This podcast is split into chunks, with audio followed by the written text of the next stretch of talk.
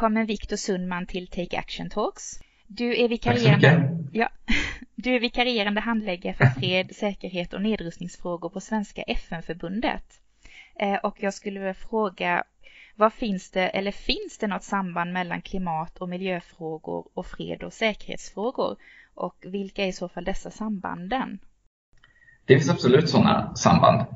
Man kan inte riktigt prata om något tydlig direkt koppling mellan klimat och, eh, och fredsfrågor. Man, man kan inte säga att ett varmare klimat per definition leder till konflikt. Däremot så har ju det varmare klimatet och klimatförändringarna konsekvenser för, eh, för livsvillkoren som samhällen är grundande i. Till exempel så påverkar ju ett varmare klimat nederbörden på ett ställe eh, och det kan ju innebära att ett, ett, ett område som redan har vattenbrist kan få ännu mindre vatten. Och det kan i sin tur leda till konflikt genom att de grupper som bor här får, hamnar i större eh, competition mot varandra, i konkurrens om de bristande vattenresurserna eh, som de behöver för, att, för sina uppehällen. Eh, och om det redan finns spänningar eller eh, spänningar mellan olika grupper i det här samhället eller om det finns eh, missnöje, fattigdom och, eh, och problem som, som gör att eh, Eh, det, det, finns missnöje mot stat och, staten och liknande så kan den ytterligare eh, effekten av, av till exempel vattenbrist leda till att, till att konflikter uppstår här. Att grupper kan ta till vapen för att, eh, för att förändra sin livssituation. Så det är inte så att det varmare klimatet är orsaken till konflikten men konsekvenserna av klimatförändringarna påverkar redan existerande spänningar eller missnöjen och kan förstärka dem så att de här konflikterna uppstår. Så egentligen är det ju att man, det blir ju krig på, kan man säga, för överlevnad. Ändras klimatet så vatten försvinner så slåss ju folk för sin överlevnad helt enkelt. Som ett exempel. Precis, framförallt om det, om det är i samhällen där det finns spänningar sedan tidigare eller om, uh, om, om det är grupper som lever tillsammans eller som inte lever tillsammans. Om man tar ökenutbredning som ett exempel. Att ökenutbredningen kan tvinga vissa grupper att flytta till andra områden där det redan bor andra och att, som inte är vana att samsas om begränsade resurser, om den åkermark som finns eller den eh, betesmark för boskap och så. Då kan, kan ytterligare spänningar mellan de här grupperna leda till konflikter. Det har man sett på flera håll i världen, att sådana utvecklingar. Eh, och de är ju, de, de är ju klimat, på, påverkade av klimatförändringarna. Så klimat och miljö har definitivt samband med fred och säkerhetsfrågor. Ja, absolut.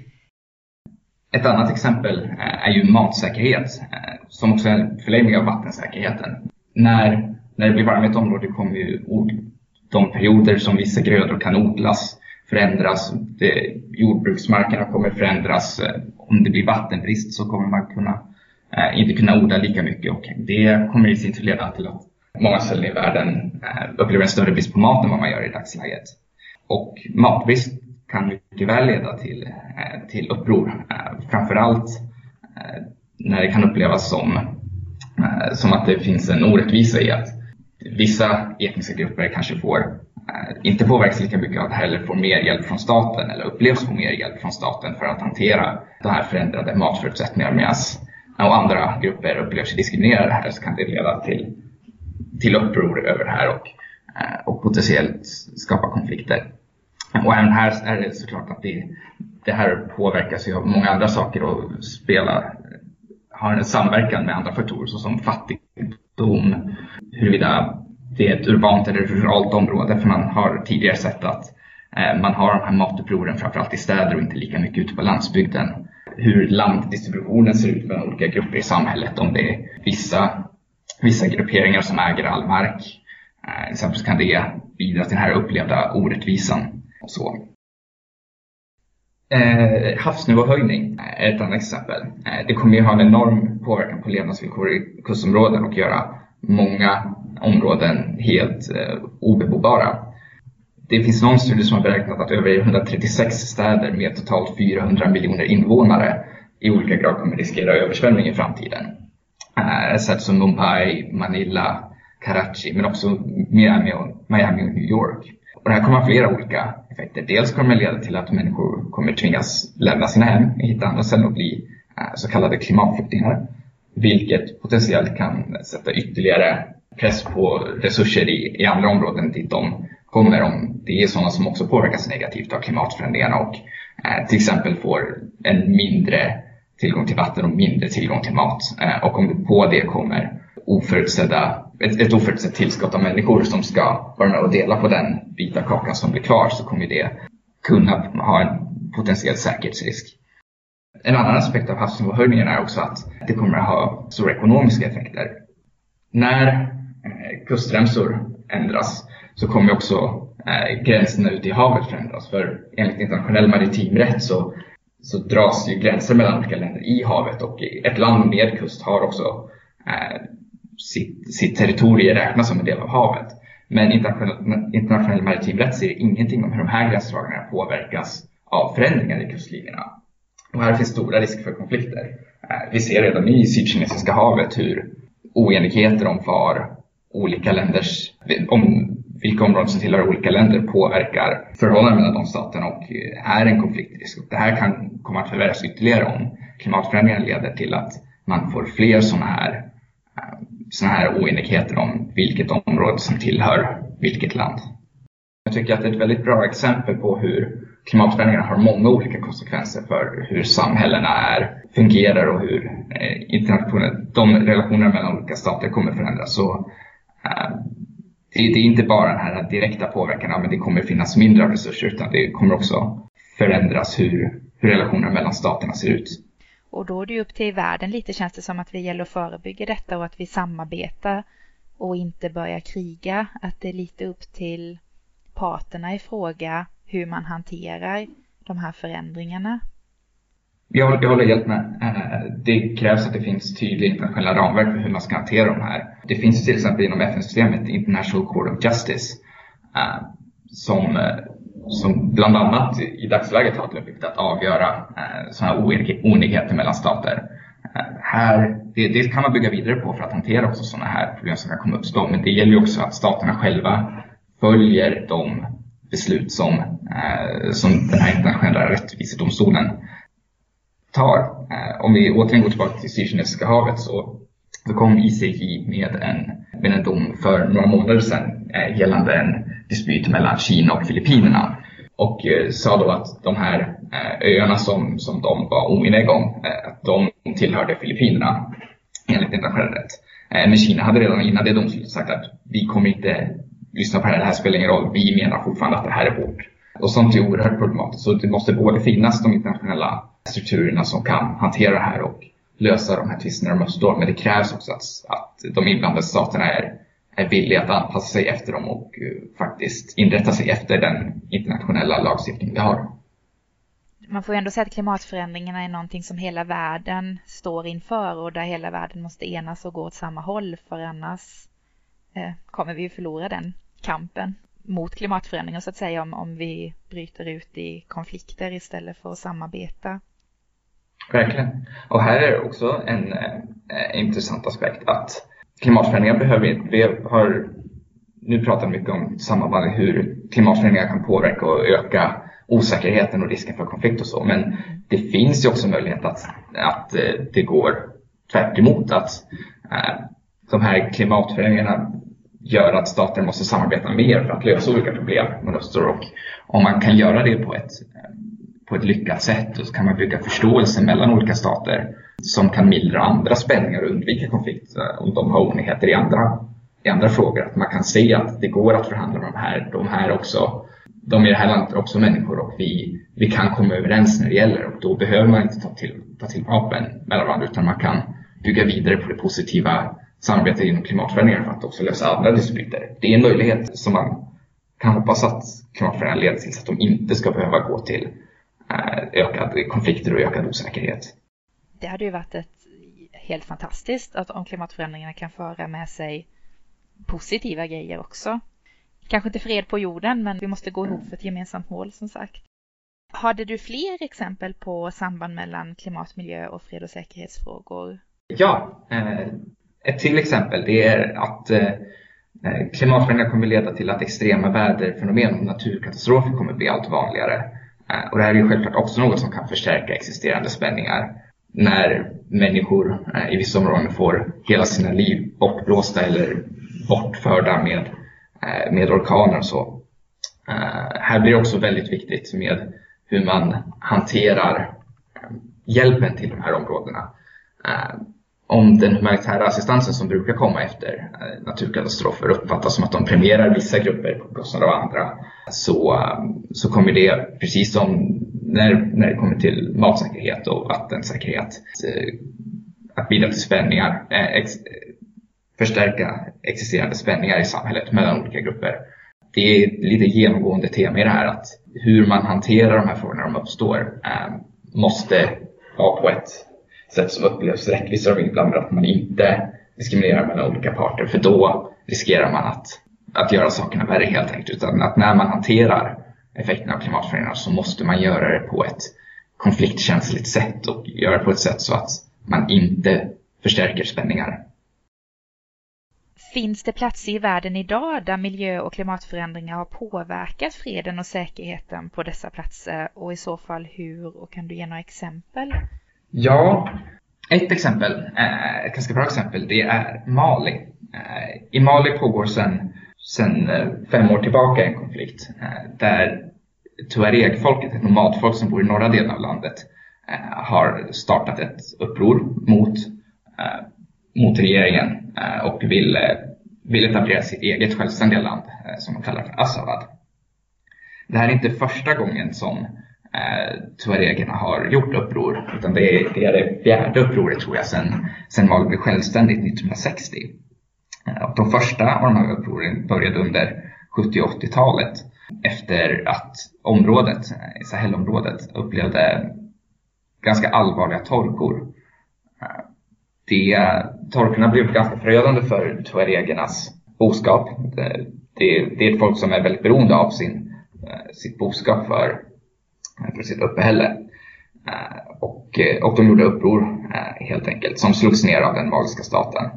Många av tuaregerna flydde sedan till Libyen och tjänstgjorde ofta i militären under Muammar Gaddafi. Men 2011 när Gaddafi dog så återvände många tuareger till Mali och var, och var högst inblandade i att, att den senaste konflikten kom igång.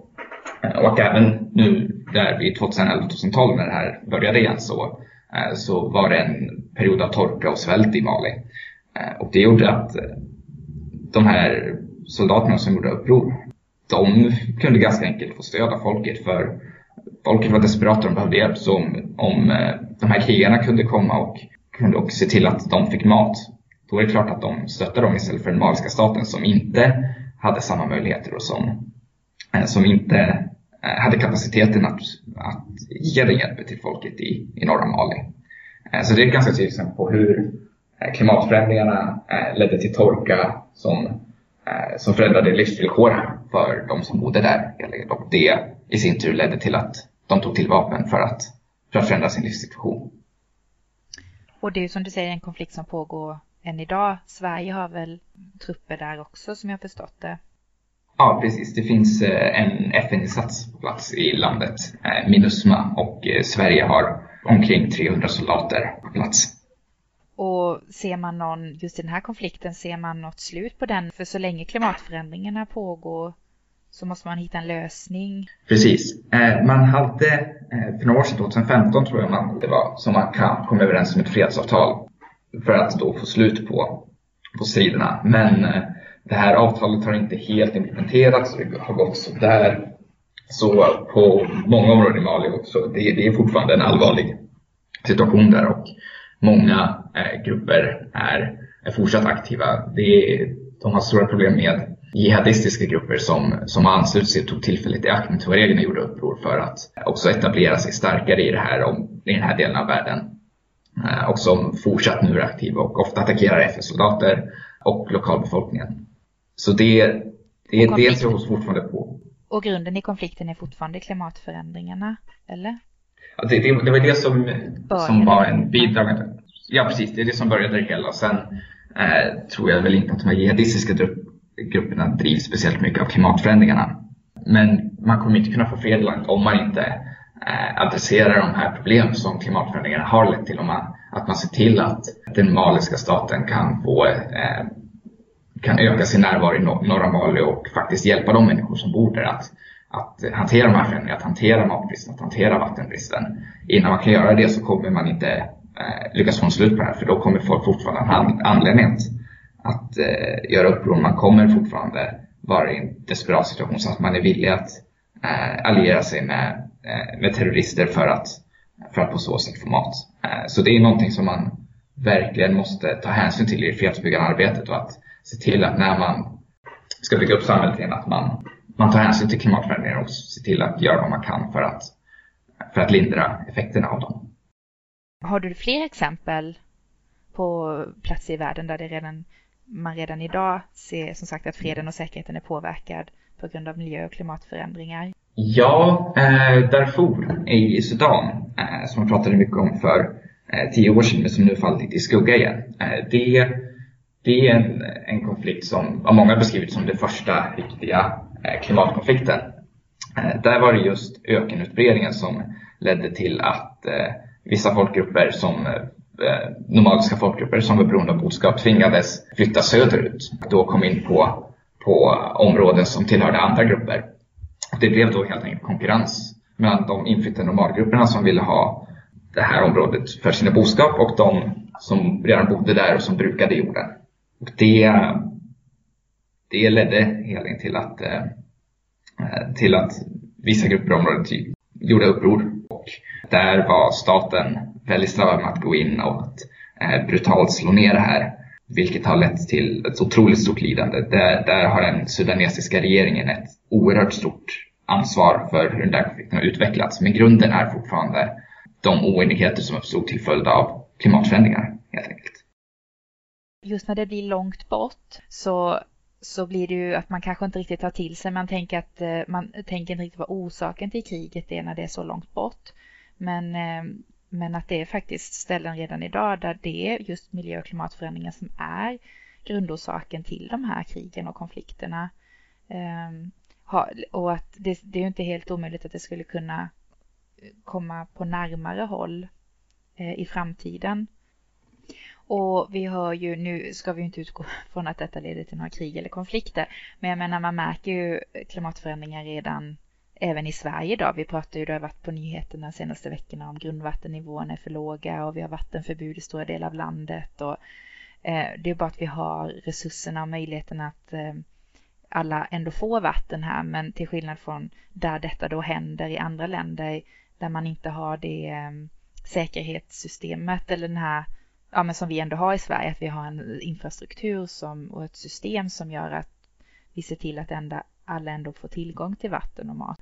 Så att, så att klimatförändringarna händer ju redan här, men att det också beror på hur man hanterar det och hur samhället är förberett att hantera det, tänker jag. Ja, eh, jag håller med. Eh, och eh, om man ser det, just nu kan vi, har vi ju de institutionella förutsättningarna i Sverige för att hantera det här, men om den här grundvattenbristen blir värre, Eh, om vi fortsätter att konsumera så pass mycket vatten som vi gör idag samtidigt som klimatförändringar kanske leder till att vi inte har lika mycket nederbörd så, så kommer det självklart bli svårare att göra det i framtiden och, och jag skulle inte utesluta att det kan uppstå allvarligare spänningar än det gör i dagsläget även i Sverige till följd av de här problemen. Men eh, det, är, det är som sagt svårt att tänka sig att, eh, att eh, det skulle bli någon större konflikt i Sverige av det här men det kommer definitivt finnas säkerhetsproblem, eh, säkerhetsaspekter kopplade till det här. Bara för att ge exempel på eh, att det är inte bara någon annanstans i världen utan hela världen drabbas på olika sätt och vissa områden mer än andra. Men också att vissa, att man då har de institu institutionella förutsättningarna på vissa platser att hantera dem bättre än på andra platser också. Och att det är detta vi måste hjälpas åt också, att vi som har förutsättningarna hjälper de som inte har det, tänker jag med resursfördelning mm. och så vidare som du pratade om innan. Eh, detta var ju några exempel på konkreta exempel, men det finns ju många exempel i världen där det redan idag är som sagt att freden och säkerheten har påverkats av miljö och klimatförändringar. Men hur jobbar FN med miljö och klimatfrågor? Eh, ja, FN är en ganska viktig aktör, i det här och det man kan jag väl dels att FN är själva ramverket för, för det internationella samfundet där man eh, kommer överens om hur man ska hantera klimatförändringar och motverka klimatförändringar. Eh, Parisavtalet till exempel som, som kom för nu eh, ett och ett halvt år sedan. Eh, det var ju inom ett FN-ramverk som det förhandlades fram, liksom Kyotoprotokollet, dess föregångare från 90-talet. Så FN har en mycket viktig roll här som, som forum för att bringa stater samman och hjälpa dem komma överens om, om hur man ska hantera det här och vad man ska göra för att Eh, försöka undvika att vi får så drastiska klimatförändringar som vi riskerar att få. Eh, FN är här också, eh, man bör nämna IPCC, den mellanstatliga panelen på klimatförändringar som, som FN var med och startade, som är den huvudsakliga källan för oberoende vetenskaplig information om, om klimatförändringar och som tittar på den forskning som finns och sammanställer för att eh, göra uppskattningar om hur, hur världen ser ut, vart är vi på väg, eh, kommer vi nå de mål som har satts upp eh, och liknande. Eh, men FN gör också lite mer konkret jobb inom, inom miljöfrågor och UNEP som är FNs miljöprogram jobbar mycket med klimatförändringar och försöker hjälpa stater att fixa bra, bra policyer och bra, att, att, att hjälpa dem skapa de institutioner de behöver för att dels minska på sina utsläpp och så, på så sätt bidra till att minska klimatförändringar i framtiden. Eh, men också för att hantera de förändringar som man vet kommer, kommer komma. Och UNEP är också en viktig eh, källa till finansiering av olika klimatrelaterade projekt för att, för att anpassa samhällen till, till klimatförändringarna.